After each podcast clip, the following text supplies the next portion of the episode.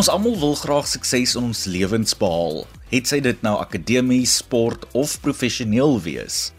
Ons het drome, belangstellings, doelwitte en verantwoordelikhede en al hierdie dinge verg tyd. Ons moet tyd aan al hierdie dinge toewy en terselfdertyd ook rus om te verhoed dat ons nie uitbrand nie.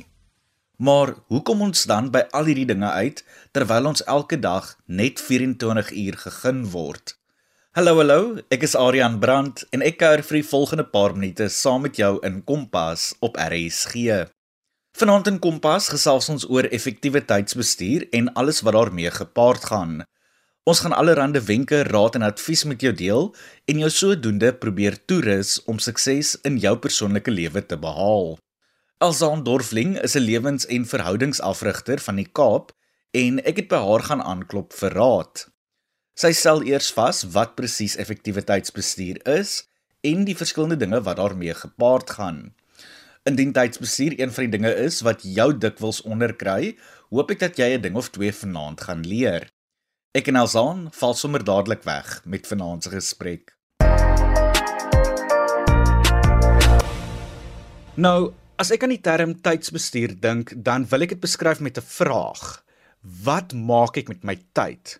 Wat presies is tydsbestuur en hoe kan ons dit definieer?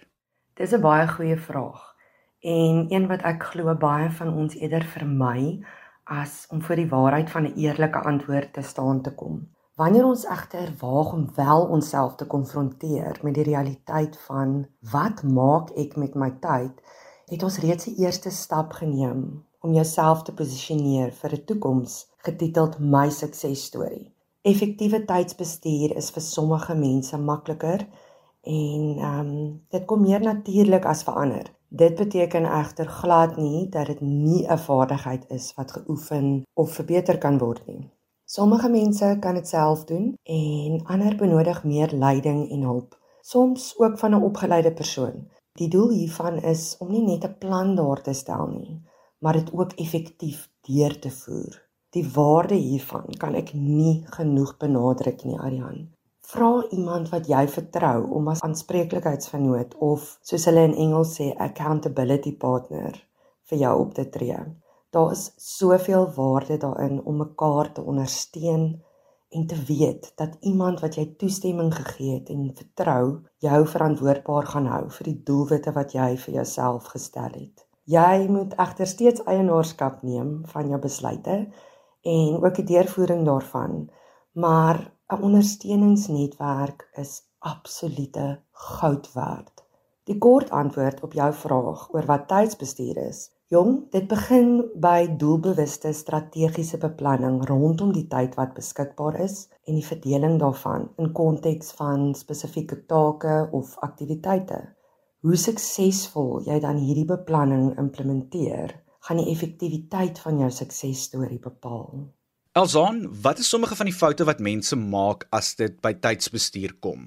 Ek kan nou byvoorbeeld dink dat mense soms onrealistiese beplanning doen waar hulle dalk te min tyd uitsit vir sekere take en selfs nie eens daai afleidingsfaktore soos sosiale media en tegnologie in ag neem nie.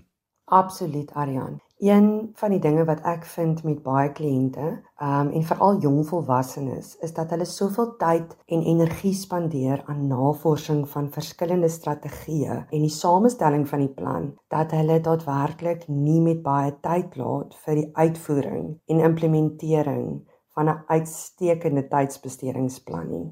Soos jy tereg noem, is van die ander faktore beslis onrealistiese beplanning en ook afleidingsfaktore wat of nie in ag geneem word nie of hopeloos te streng uitgesluit word op jou tydsbeplanning. Ons lewe in 'n moderne tegnologiese samelewing waar dinge so sosiale media seefuur. So neem dit in ag.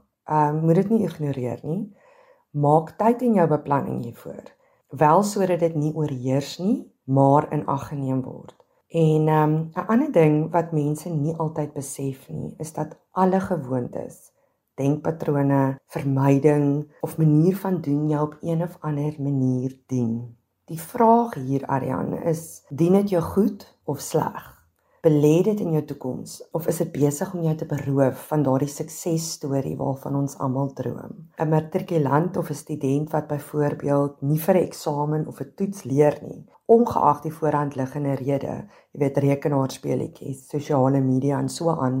Dit dien hom. Dit het nie net geen waarde nie, maar deur dit tot op die laaste nippertjie uit te stel of sommer glad nie voor te berei nie, gee dit jou ook 'n verskoning om nie so goed te vaar nie. Dit maak 'n minder suksesvolle uitkoms aanvaarbaar, want jy moes geleer het, maar jy het net nou nie genoeg tyd gehad nie of onbewustelik ervaar jy nie die uitslag, jy weet, as 'n weerspieëling van jou talente of intelligensie nie. As jy nie probeer nie, kan jy mos nou nie regtig misluk nie. En ehm um, hierdie uitgangspunt dien jou deur jou 'n verskoning te gee. Jy weet wanneer ons sê ons sal probeer of ons het probeer, gee ons onsself eintlik onmiddellik toestemming om te misluk of 'n verskoning vir hoekom die resultaat nie na wense is nie. Wanneer jy egter wel dinge soos goeie tydsbestuur implementeer en dit effektief toepas, verwyder dit onder andere daardie onmiddellike toestemming wat jy jouself gee om te misluk dit dien jou goed en dit belê in jou suksesstorie.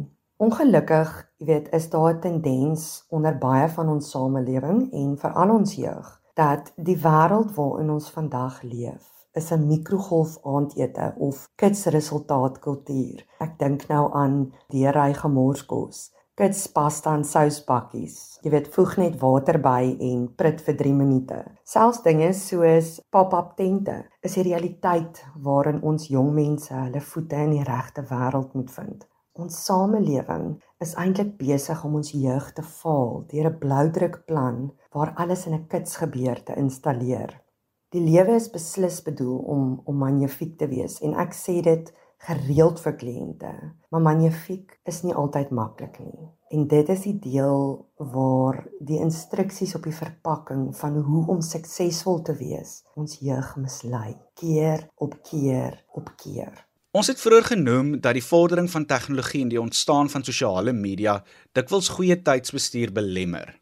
Wat is sommige van die dinge wat mense se aandag aflei of waarvoor hulle op die uitkyk moet wees? Sosiale media en tegnologie is baie beslis 'n groot uitdaging vir ons jong mense. Maar ander faktore wat ook jou goeie intensies in die wiele kan ry, is dinge soos versuiming om 'n doenlys te bou en dan ook daarbey te hou. Jy weet dinge soos om nie persoonlike doelwitte te stel nie. Ander dinge is, jy weet, mislukking om die algemene afleidings te vermy tydens fokustye. Sit eerder praktiese planne in plek. Ek dink nou byvoorbeeld aan om jou foon af te skakel vir daardie fokustye en nie staat te maak op jouself om te hou by jou intensie wanneer daardie selfoon begin beep vir 'n boodskap. Nog 'n groot knielter is uitstel. En ek wil dit sommer weer sê, uitstel, uitstel, uitstel. Hou verby. Dit plaas onnodige laaste minuut spanning op jou.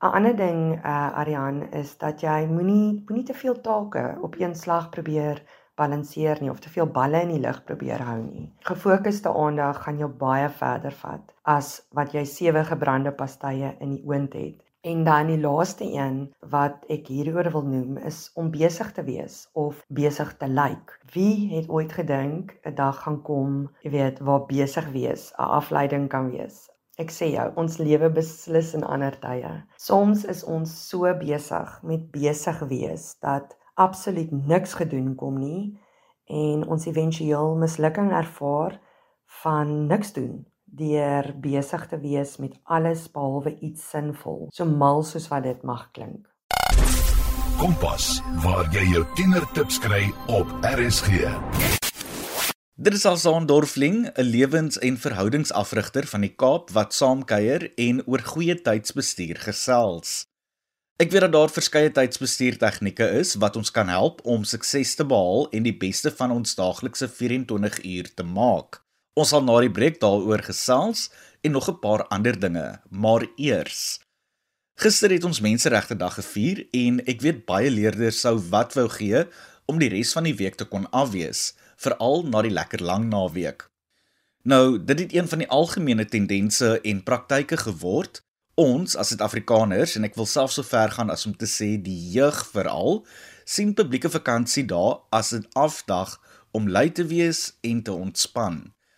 Nou, daar is seker niks fout daarmee nie, maar dit is ook tog belangrik om op sulke dae te onthou waaroor die dag eintlik gaan, om retrospeksie te doen oor hoe ver ons as 'n land gekom het en terselfdertyd ook gesprekke en dialoë te hê daaroor.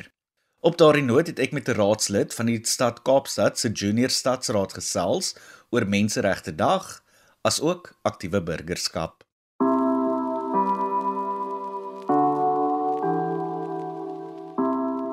My naam is Ignacia Paaste, ek is 17 jaar oud. Ek is 'n matrikulant by Proteus Tegniese Hoërskool in Atlantis.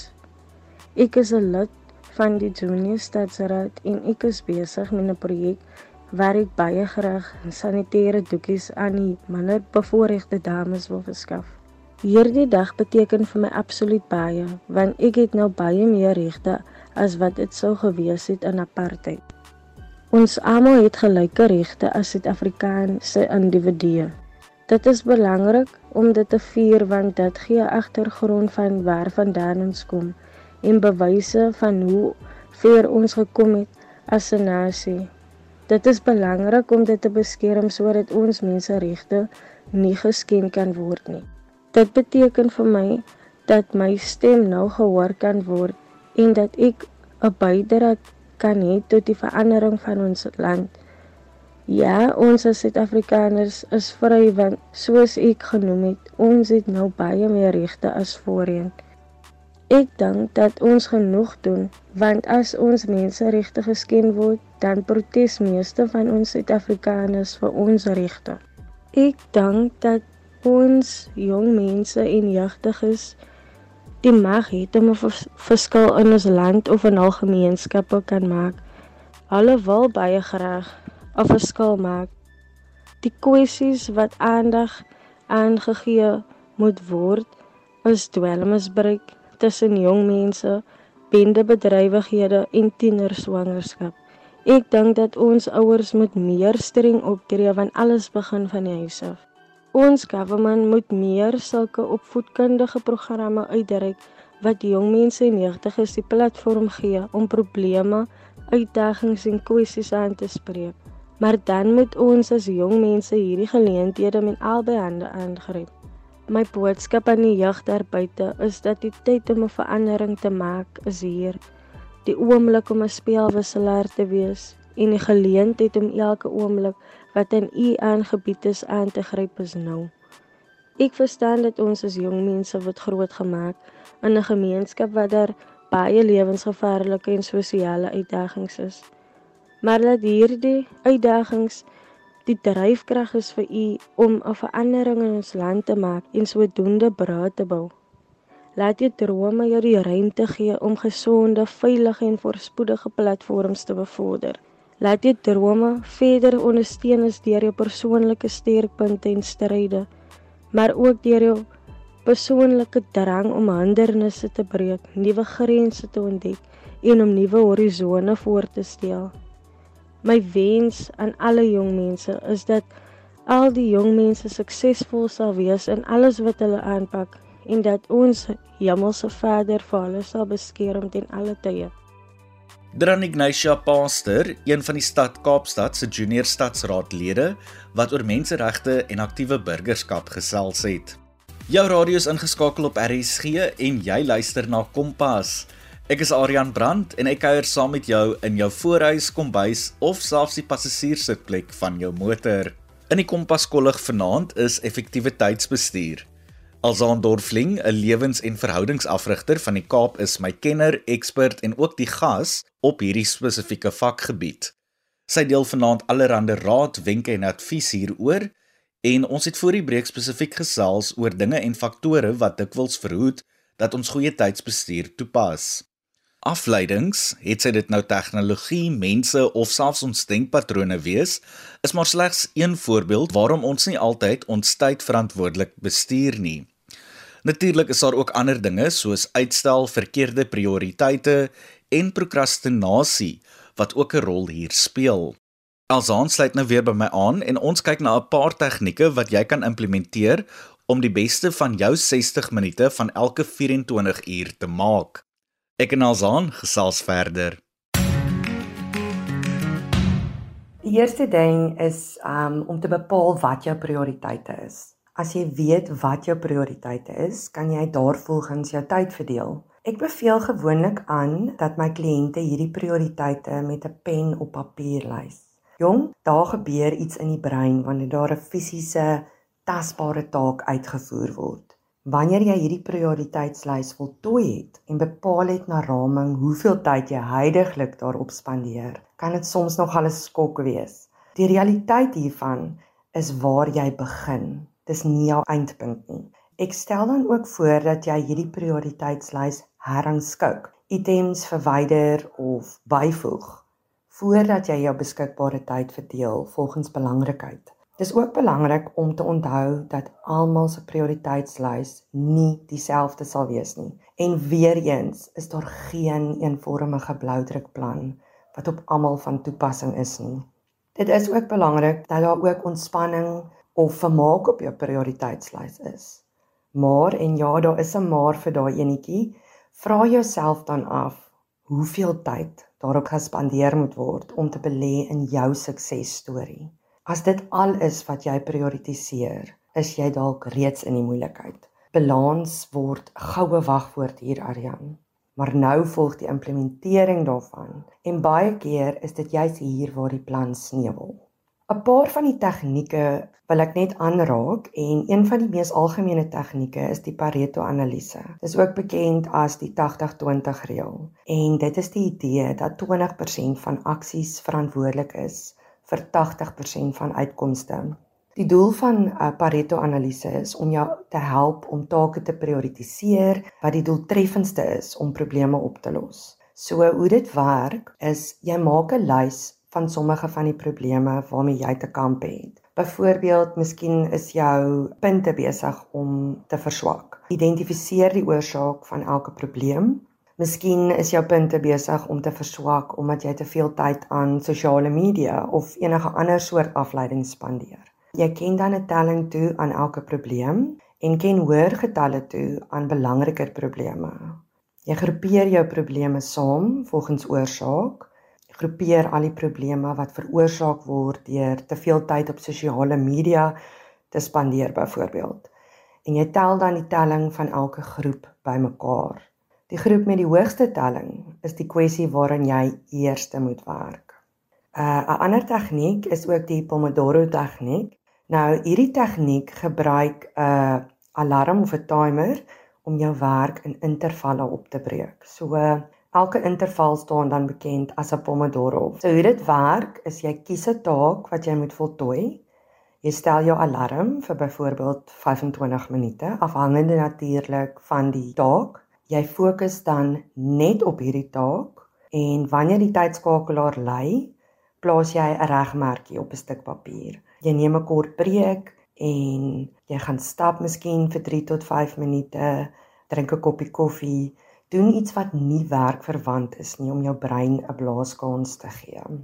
Jy herhaal dan hierdie stappe. Sodra jy hierdie proses 4 keer voltooi het, kan jy langer pauses begin neem, so 20 na 30 minute.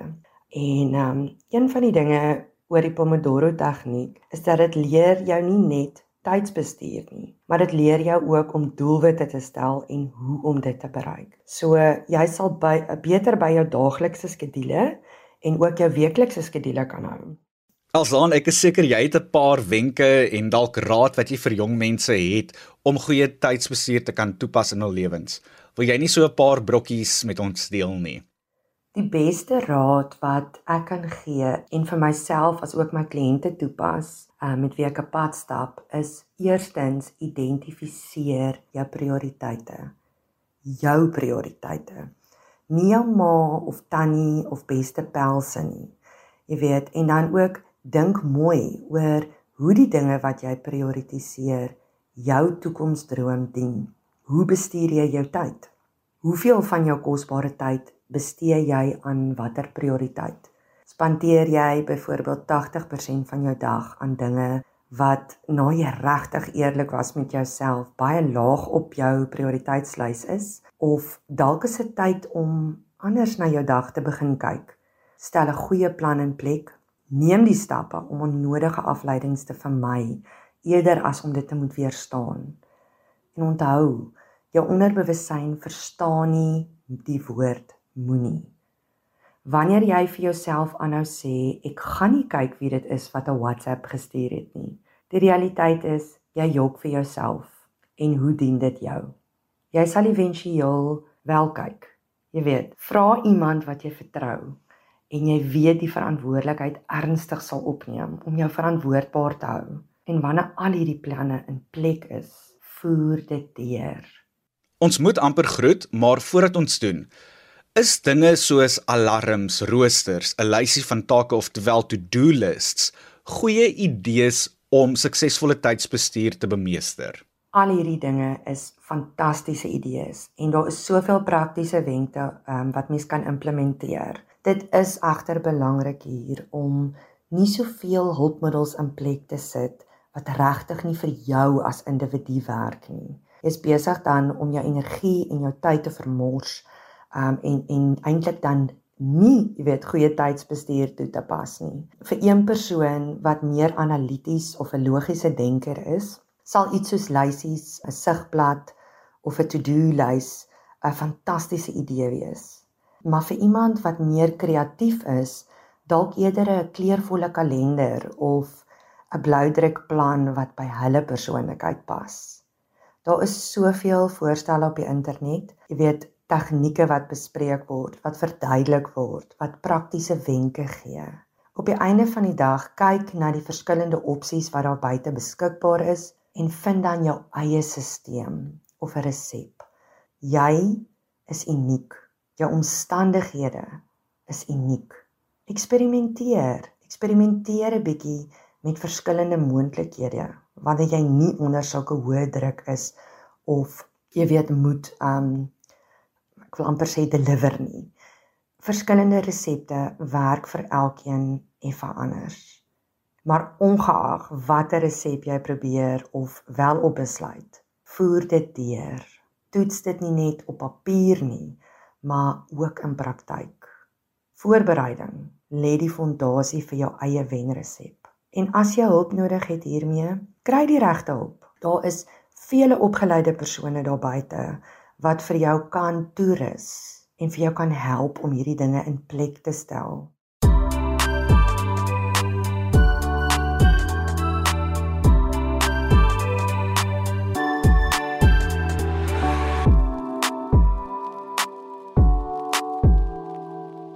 Dranalzaan Dorfling, 'n lewens- en verhoudingsafrigter van die Kaap wat saamgekuier het in Kompas en oor effektiewe tydsbestuur gesels het. Janie, kyk, ek dink ons elkeen kan iets uit vanaand se gesprek leer. Tydsbestuur en beplanning is goed, maar moenie te veel tyd daaraan bestee nie, want dan is jy nie besig met effektiewe tydsbestuur nie. Wees ook realisties en heroorweeg jou prioriteite. Vind tegnieke en planne wat vir jou werk en onthou ook dat jy anders as jou broer, suster, vriend of vriendin is. Wat vir hulle werk, gaan nie noodwendig vir jou werk nie en net so sal jou prioriteite van hulle sin verskil. 'n Ander belangrike ding wat alsaan ook aangeraak het, is die feit dat ons dikwels besig is om besig te lyk. Dink daaroor en heroorweeg hoeveel waarde die dinge waaraan jy jou daaglikse tyd bestee aan jou lewe heg indien dit nie veel waarde tot jou lewe, doelwitte of toekoms heg nie, is dit dalk tyd om 'n verandering te maak. Nou ja, toe, jy is bemagtig en my tyd saam met jou is verstreke. Ek moet groet. Martleen Oosthuizen is môre aand weer aan die stuur van sake en ek kuier weer woensdag aand saam met jou. Van my kant tot dan, mooi loop.